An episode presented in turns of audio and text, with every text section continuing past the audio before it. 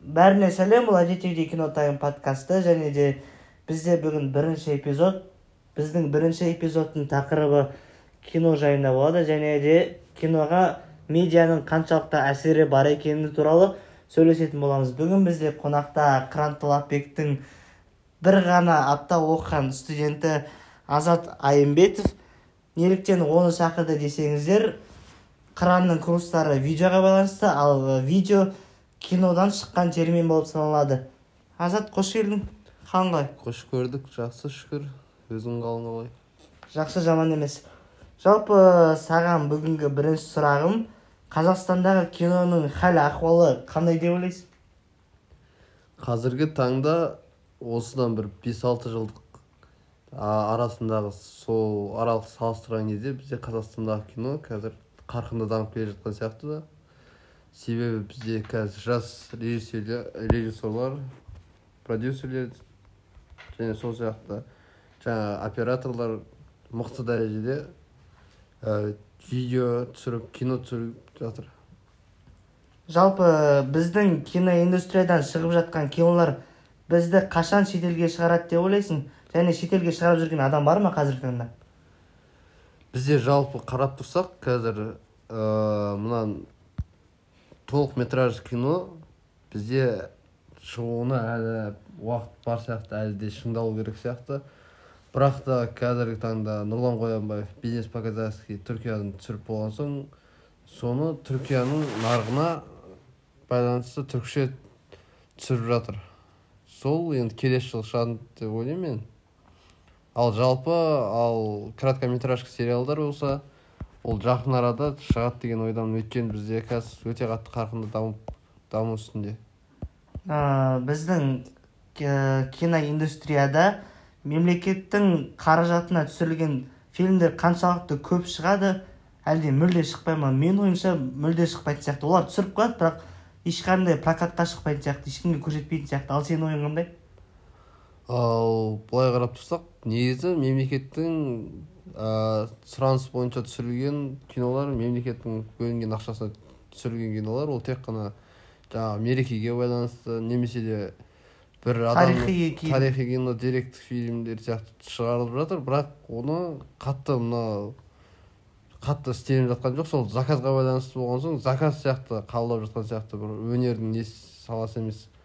Бірақ маған ә, бір кино ұнады. Осы алдыңғы жылы шыққан аты есімде болмай тұр бірақ соғыс туралы ә, бір нәрсесін рота деген жалпы сол кино мықты шығарылған. Бірақ ол қазір толық метражка болып шықты. Одан соң оны адамдар ә, оны каналға бөлек бөлек сериал қылды. Содан соң оны толық метраж қазір жоқ. Бірақ оның сериалға қарағанда толық метраж фильм өте керемет түсірілген сияқты менің ойымша. Ал ол прокатқа шықты ма шыққан жоқ па? Ол прокатқа шықты. Біз кинотеатрлардан көрдік оны. Жалпы біздің ә, қазақ киноиндустриясында сен үлгі тұтатын адам бар ма? Вот осы адам біздің киноиндустрияда лучший дейтін. Ол мейлі режиссер болсын сценарист болсын продюсер болсын маңызы жоқ. Қарап тұрсақ қазір ондай адамдар ерекшеленетін енді нұрлан қоянбаев деп есептейміз. Өйткені оның қазір қазақ киносына қосқан үлесі орасан зор сияқты. Бірақ ахан сатаев деген ахан сатаев та бар мысалы. Бізге қанша түрлі қанша мықты киноларды шығарған мысалы рекетир деген сияқты. Ә, жалпы кино өндірісінде ә, жыл сайын немесе ай сайын жаңадан ә, жаңалықтар шығып отырады. Біздің қазақстан киноиндустриясындағы жаңа тыныс деп кімді қабылдайтын едің немесе кімнің жұмысын қабылдар едің? Енді жаңағы айтқандай короткометражка сериал түсіріп жүрген жігіттер соларды есептей аламын мен. Әлішер өтеев деген. Ә, мысалы ютуб платформасына шыққан сержан мұратан ә, шекер деген сериалдар бар. Сен сол сериалдарды қарайсың ба? Иә мен сержан мұратанды қарап қарап тұрамын жалпы бірақ мен шекерді әлі қараған жоқпын. Бұл сериалдар біз үшін жаңа тыныс деп есептейсің иә иә жаңа тыныс. Өйткені сен біз ол жерді қарап отырсақ уже басқа уровень да ше? Басқа дәреже бұл әлемдік дәреже деп санайсың ба әлемдік дәрежеге шығып келе жатыр. Әлі толыққанды емес бірақ әлемдік дәрежеге ұмтылыс бар былай қарап тұрсақ. Ә, келесі сұрақ.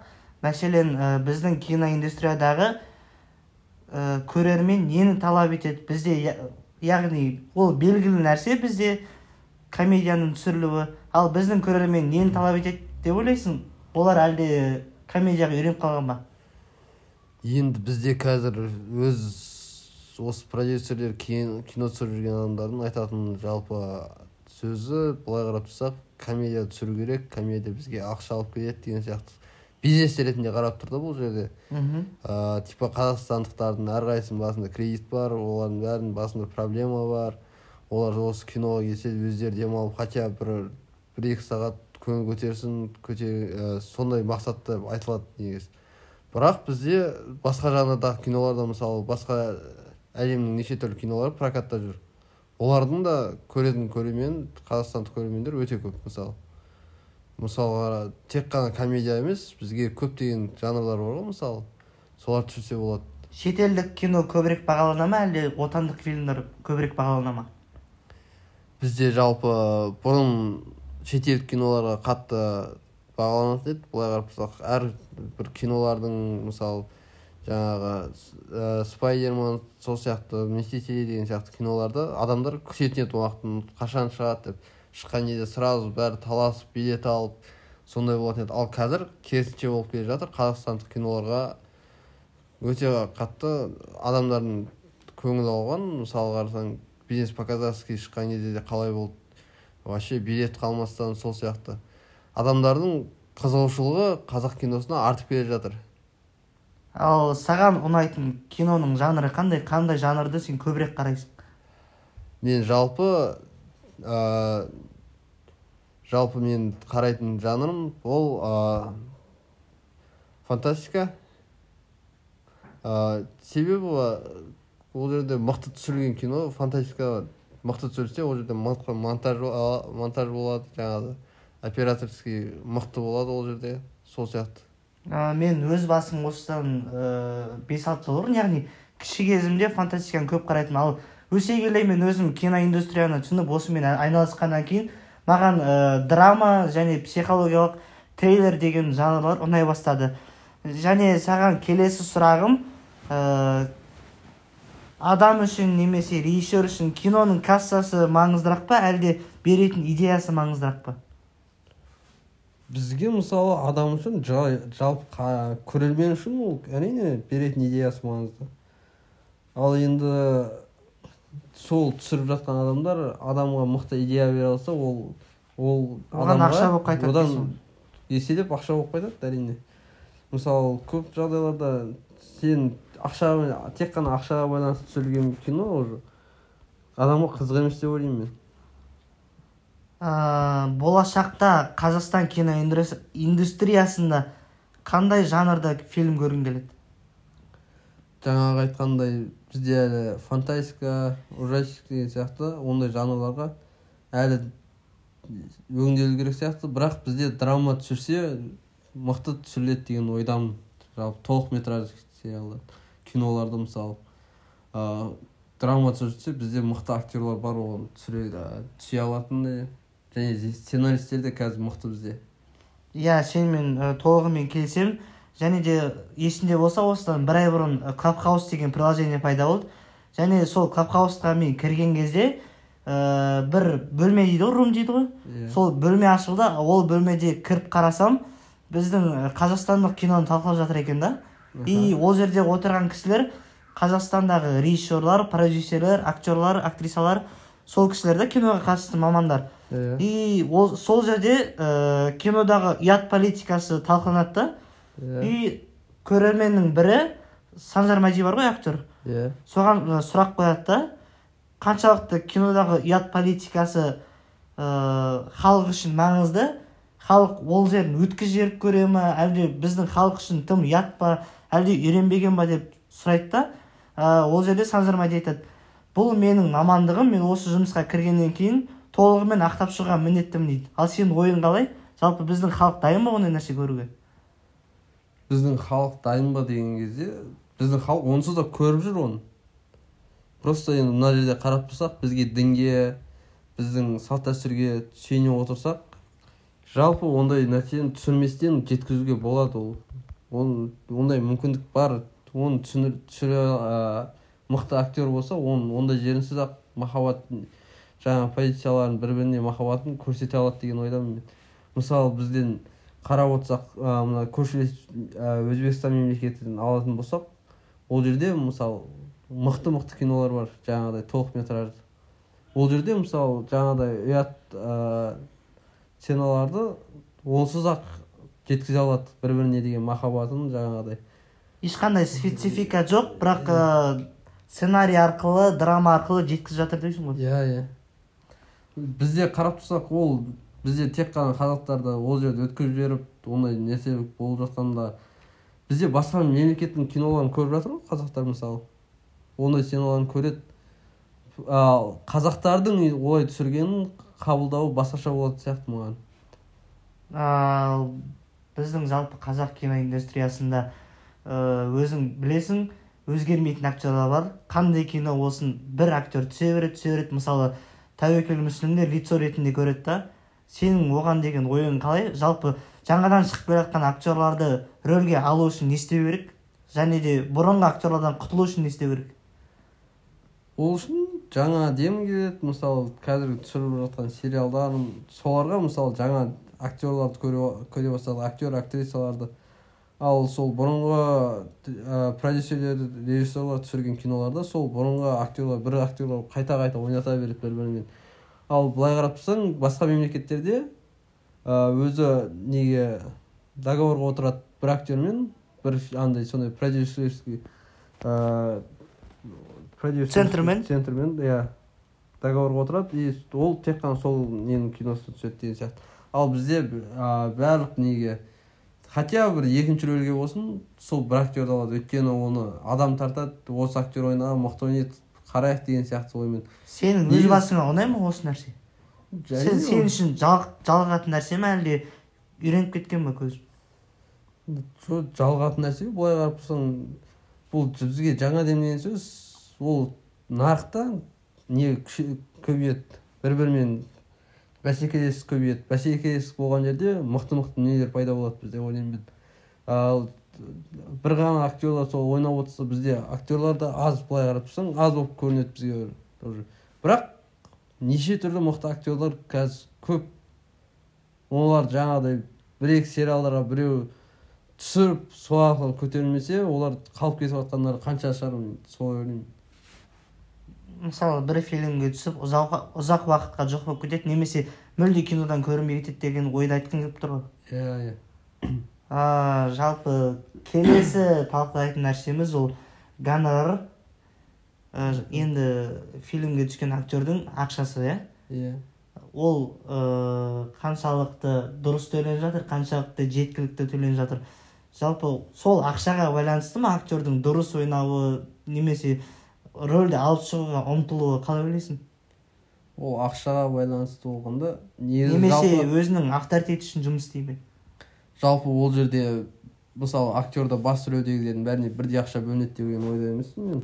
Өйткені мысалы жаңадан келген актерға бұрыннан бір бес алты киноға түскен актерға екеуіне екі түрлі екеуі де басты рөл ойнаса екеуіне екі түрлі қаржы бөлетін сияқты. Ол киноға түспестен бұрын келісетін нәрсе ғой. Сондықтан олар өзін сол ақшаға келіскеннен соң түседі деген ойдамын сондықтан ол өз мықты дүние барлық өнерін көрсетеді деген ойдамын мен. Енді жаңадан келген актер болмаса енді жаңадан келген актер амал жоқ.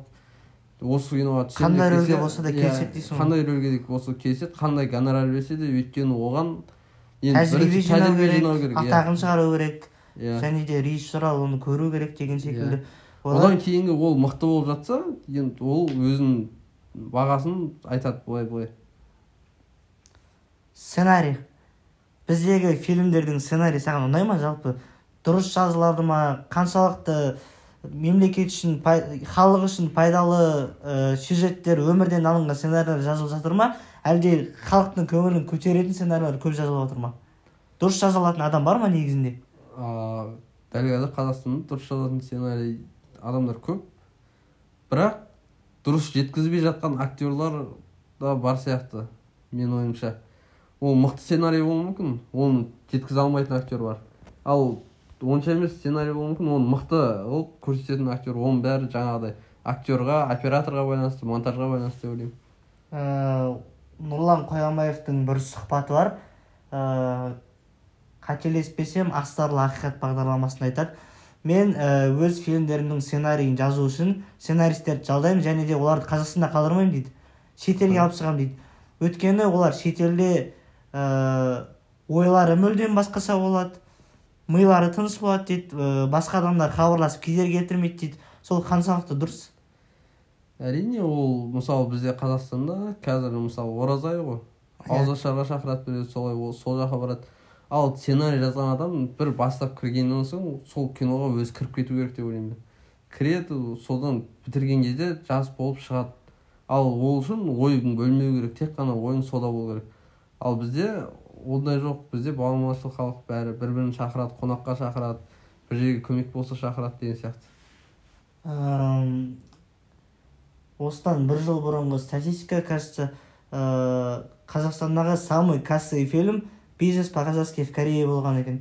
Сен сол фильмді көрдің ба? Сол, сол фильм саған ұнады ма? Несімен ұнады? Шетелде түсіргені ұнады ма? Әлде сценарий ұнады ма? Әрине бұл жерде сценарий да мықты ойнаған актерлар да составы мықты. Жалпы кино мықты болды. Менің ойымша бұл самый кассовый кино болуының себебі бұл жерде рекламасы өте мықты болды деген ойдамын. Өйткені мысалы күнде ол кісі сол кино ә, прокатта кезінде мына жерде вообще билет қалған жоқ мына жерде вообще билет қалған жоқ бізде андай ғой. Халық сондай адам ғой. Мысалы мына жер қызық өте қызық десе соған бәрі барады. Сол сияқты ол көп рекламасы мықты актерлар жарнамаға байланысты. Иә. Біздегі медиада қызмет етіп жүрген адамдардың барлығы сол киноны реклама жасады мысалы. Жаңағы блогер болсын әнші болсын актер болсын. Мистителиден асты деді одан соң давай асырып тастайық тағы анау мынау бір көрген адамда екінші мәрте барды басқа адам үшін мотивация дейсің ғой. Иә иә қызықтырушылық мықты болды ол жерде. Ал былай қарап тұрсаң ол кино маған ол а, кореядан гөрі америкада түсірген часть қатты ұнайды. Бірақ а, ол кореядағысын рекламасы жаңағыдай мықты болды. Содан соң кассовый кино болды. Ал негізі шетелде түсірілген кино бәрібір біздің халық үшін біздің ел үшін басқаша болады иә? Өйткені оның әсері басқа ол жердегі мәдениет басқа өмір басқа. Сол үшін біздің халыққа қызық болған секілді сол қызық болған арқасында ол кассовый фильмді жинаған секілді. Әрине бұл жерде жаңағыдай басқа елдің мәдениеті қызық болады. Жалпы қазақстанда түсірілген комедия қазақстан уже понятно болады ғой киноның басынан бастайды қалай басталады. И түсініп отырасың да неден кейін не болатынын примерно біліп отырасың. Ал шетелде түсірген оларда басқа нәрселер қосып отырса да уже қызық қызықтырып отырады киноның сценарийі саған сені иә толықтай келісемін. Енді келесі та- талқылайтын нәрсеміз ол жалпы халық үшін ел үшін ең қызықты нәрсе деп ойлаймын. Бұл тақырып медианың киноға әсері. Аха. Мысалы мәселен айтатын болсақ бізде қазақстанда киноны қазір продюсерлер емес режиссерлар емес әнші блогер сымақтар түсіріп кетті. Бұл қаншалықты дұрыс? Мысалы әнші барып кино түсірсе ал актер барып ән айтатын болса? Қазір жалпы ә, қарап тұрсақ бәрі сондай болып кеткен сияқты. Себебі әншілердің көбісі жаңағыдай кино ә, одан қалса блогер болды. Ә, бұл жерде енді қазір бізде қарап тұрсақ той бизнес қатты дамыған еді. Иә. өте қатты. Әншілердің бәрін асырап отқан бір тойға бір миллион екі миллион екі миллионға жуық ақша алады. Олар бірдестен тоқтады. Содан соң оларды былай қарап тұрсаң қатты бүйтіп ән жазуды да қойды. Бәрі блогер болды. Енді блогерлер кино түсірді. Ол жерде бәрі анда өзінің енді блогер деген ақша табудың жолы Иә. блогер мықты блогерлер бар. Ал біреулер вайнерлер болып шықты басында. Иә. Вайнерлер болды одан соң жаңағы вайнер болып жүрді. Одан соң енді сен ертең өске бес алты жылдан кейін кім кім болып келе жатсың десе вайнер деген атты оларға қатты ұнамады деген ойдамын. Содан соң өздерінің ақшалары бар кино түсірді. Ол кино мықты шығып жатыр ма онша емес па? Для себя түсіре салды деп ойлаймын мен. Ол кім көріп жатқан ба көріп жатқан жоқ қанша адам. Жалпы просто олардың рекламасы мықты жаңағыдай бір миллион екі миллионға жуық оқырмандары бар соларға тартады осындай осындай көреді оны толық көріп жатқандар бар толық көрмейді жай ғана кіріп не бұл жерде деп қарап шығып кетіп жатқандар қанша соның арқасында да просмотр жинап жатыр деп ойлаймын одан қалса қазір өлең жазады ән айтады олардың бәрі т- топ музыкалардың қатарында тұр қарап тұрсаңшы оның бәрі оның өне- өнері бағаланса ол ол бөлек болады. Мысалы өлең шығарады бір айдан соң ешкімнің есінде жоқ. Иә. Кино Сапасыз өлең. иә, кино түсіреді мысалы сериал кино түсіріп бір айдан соң ешкім білмейді ол қандай кино екенін есінен де шығып кетеді ол кино болған соң ол халықтың есіне алатын қайта екінші мәрте көргенде жалықпайтындай болу керек деп ойлаймын мен. Жалпы мен өз ойым әрбір адам өзінің сүйетін ісімен айналысу керек. Және бұл тек қана тек жалғыз шарт емес екінші шарт өз ісінің маманы болу керек. Сонда ғана музыка да дамиды кино да дамиды басқа салада дамиды деп сенемін. Ә, жалпы шетелдік киноны сен көресің ба? Шетелдік кинолардың списогында сен үшін ең бірінші болып тұратын фильм қандай фильм? Жалпы шетелдік киноны өте көп қараймын деп айта аламын. Өйткені бізде қазақ қазақстандағы киноларды саусақпен санарлықтай аз бізде. Ал маған ең мықты деп ойлайтыным мен побег из шоушенга ол жерде сценарий өте мықты жазылған. Бұл не туралы кино ол бір кісінің а, түрмеден қалай қашқанын сол туралы кино. ол жерде өте мықты стратегия ана жерде қалай қашқанын әр сценаның өзінің бөлек несі бар актерлар мықты актерлар ойнаған. сол сияқты. Ал мен үшін ә, шетелдік номері бірінші кино ол список шиндлера деген кино. Яғни ол кезінде гитлердің еврейлерге жасаған геноциді туралы кино. Және де ол жердегі ең қызықты мәселе ә, неміс азаматы еврейлерді құтқарып шығады. Және де сол кино мен үшін самая вышка болып тұр ғой. Ә, шетел демекші шетел демекші ә, біздің айсұлтан сейітов деген жігіт бар иә ә, там нюфада оқыған шетелдік рэперлерге клип түсірген қазақстанға келіп біраз нәрсе түсірді және де жақын арада кино шығады сол айсұлтанның творчествосы ұнай ма саған жалпы бізде қазақстанда бір же ә, сыртқа шығып дәлелдеу деген қарап тұрсақ уже салт дәстүр сияқты болып кетті. Сен шетелге барасың түсіресің сені мойындайды. Ә, мойындайды. Сол сияқты оны да қазақстаннан сыртқа шыққан еді. Бәрі мойындап мықты не екенін мойындады. Ол одан мықты дүние шығады деген ойдамын. Және де жаңағы біз шетелдік киноларға тоқталатын тоқтала кететін болсақ ә, бізде шетелдік кинолардың ә, мықты сценариймен түсірген кинолар уже білінеді. Мына жерде мынандай кино деп бәріне танымал болып кетеді бізге кино қалай қандай кезде қызық болады? Мысалы бізде киноны көріп отырасың мына жерден кейін мынандай болады деген өзіңде ой болады. Иә. Уже примерно түсініп отырасың ғой мына жерден кейін мынандай болады. Ал сол кезде сенің ойың болмай қалған кезде вау уже бөлек. Одан бетер қызығасың ана киноға мысалы бумажный дом деген сериал шықты. Осыдан бір жыл бұрын. Ол кинода тек қана сол испания нарығына шыққан. Бірақ оның сценарийі мықты жазылған себептен жаңағыдай netflix компаниясы сатып алды ол киноны сол арқылы. Шығарды. Ол жерде мысалы каждый сериясы қызық болды. Адамдар бір бірдестен мысалы сол кезде бірдестен оның популярності жоғарылады және де өте үлкен кассада ақша жинады олар. Қарап тұрсаң сондай сияқты болу керек. Сценарий деген бәр нәрсе сценарийға байланысты менің ойымша.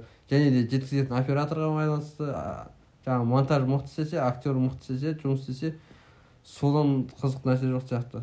Бізде енді сондай сценарий болса толық метражды киноларды білетін болсаң қазір бір нәрседен кейін бір нәрсе солай жалғасып отқан кезде уже түсініп отырсаң қызық емес сияқты кино. Сен кино басталады а мынандай мынандай болады соңында мына актер өліп қалатын сияқты деп отқан кезде шынымен сондай болса ай дейсің да кетесің мысалы.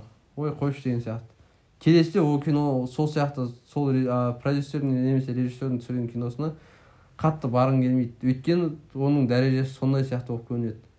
Ал басқа мысалы бір бір жерде бір нәрсе ойнап жатып сен ойлап тұрған нәрсең болмай қалса уже саған қызық бола бастайды. Жаңа айсұлтан туралы айтып жатырмық қой. Жалпы айсұлтан біздің қазақстандық кино үшін үлгі бола ма? Және қазақстанның киносы қандай деген кезде жоқ жалпы қазақстанда қандай режиссерлар бар деген кезде айсұлтанды көрсетіп аламыз ба? Вот мынау номер один деп. Әлде ақан сатаевтан номер один болып қала бере ма? Енді ол аян толық метраж кино түсірмегенше бір екі кино түсірмегенше оны айта аламыз деп ә, айта алмаймыз менің ойымша. Өйткені оның толық метраж киносын еңбегін әлі біз көрген жоқпыз ғой. Иә. Ол қандай дәрежеде түсіреді? Ол мүмкін тек қана жаңағыдай клиптерді мықты түсіруі мүмкін ол толық метражды игере алмай қалуы мүмкін деп те ойлаймын мен. Бірақ мысалы ақан сатаевтардың толық метраж киноларын көрдік. Одан соң біз оларды мойындаймыз. Жалпы бізде қазақстанда режиссер де көп продюсер де көп. Кино жасап жүрген адам көп та. Ал ә, былай шетелге шығып шетелдік продюсермен жұмыс істеген адам аз да. Мысалы нұрлан қоямаевтың соңғы киносына ә, несмехан атагүл деген актриса бар ғой. Иә. Соның күйеуі қадыр доғұлы продюсер. Біздің нұрлан қоянбаевқа там турциядан үй әперіп үйінің арендасын төлеп кино түсіруге ақша бөліп көмектесіп жатыр да. И нұрлан қоянбаевтың оның қасында жүріп үйренгені ол үшін тәжірибе тәжірибе бола ала ма және сол шетелде үйренген нәрсесін қазақстанға келіп жасай ала ма қазақстанда жасалғанда бұл жерде тәжірибе алғанда тәжірибе алмасады деген ойдамын мен өйткені мысалы қазақстан нарығында қазақстан нарығында ол нұрлан қоянбаев мықты не мықты дәрежесі мықты да ал кадр доғұлы түркияда ондай нұрлан қоянбаевтың қазақстандағы дәрежесімен бірдей деген ойда емеспін мен. Өйткені түркияда одан мықты қанша продюсерлер бар сол сияқты. Ол кадр доғұлын мысалы қарап тұрсақ мен продюсерлігі мен киносын біл- білмеймін бірақ өзі актер болып ойнаған киноларды білемін. Сол сияқты. Ал қазақстаннан сен сұрасаң нұрлан қоянбаевты кім десең уже бәрі біледі. Мына жерде мынандай продюсер актер деген сияқты квенч мына жерде мынандай өзінің орнын қойған түнгі студия деген сияқты. Ақша мәселесіне келейікші Ә, бір кәсіпкердің подкастында нұрлан қоянбаев айтады мен түнгі студияда жұмыс істедім дейді. Таңғы тоғыздан кешкі алтыға дейін. Бірақ менің айлығым жиырма төрт мың теңге болды дейді да небәрі иә ол белгісіз аптасына алды ма айына алды ма немесе жылдың соңында алды ма. Бірақ еңбегі бағаланбаған дегені қаншалықты ойға қонымсыз нәрсе сол айлық аз болғаннан кейін ол киноға ауысқан шығар. Әлде телевидениеден жинаған тәжірибесін ана жақта қолдануға кетті ме? Мысалы қарап тұрсақ нұрлан қоянбаев квенмен бастады дұрыс па? Иә. Квеннен соң ол той бизнеске кеткен. Иә. Жаңағы той жүргізіп солай. Ол кісі түсінді просто той бизнестен көтеріле алмайтынын. Сондықтан ол жаймен де шоу бизнес дей ма қазір? Иә. Ы, соған қарай ауысты. Ол жерде әрине разница болады. Той бизнесте ақша көп. Одан соң ол сол шешімге келді сол жүргізуші болып сол жерде телевидениеда жинаған тәжірибесі арқылы кино түсірді деп ойлаймын мен. Ол а, тойдан кино түсірсе бұндай дәрежеге жетеді деген ойда емеспін мен. Жалпы қазақстанда кино саласында енді көтеріліп келе жатқан адамдар бар ғой. Солар қазақстанда қалып дамығаны дұрыс па әлде шетелге кеткені дұрыс па? Мысалы особо опасен деген кино бар америкада түсірілген. Э, ол жерде анджелина джоли ойнаған басты рөлде қателеспесем. Және оның режиссері қазақстандық тимур бекмамбетов. Ол бұрында кеткен адам ол кеткен адам қазақстанға қайтып оралмайды иә. Енді саған сұрағым шетелде ә, қалып жұмыс істеген дұрыс па әлде өз еліңде қалып жұмыс істеген дұрыс па? Сен қаншалықты дами аласың қай жақта? Елде ме әлде шетелде ме? Қаншалықты дами аласың енді жалпы тәжірибе алмасуға бір үш төрт проект істеуге болады шетелде бірақ оны қазақстанға алып келген алып келсе өте дұрыс деген ойдамын себебі сен шетелде қала берсең уже сен мықты адам екеніңді біледі бірақ сенің жұмыстарың ондай қаралмайды. Қазақстандықтар қарамайды мысалы.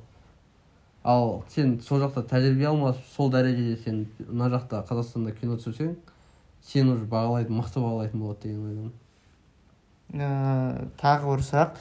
Мәселен ә, ақан сатаев бар ғой. Сол ақан сатаевтың районы деген фильмі бар. Иә. Ә, сол фильм қазақстанда түсірілгенмен оның ә, дауыс монтажы москвада өңделген екен.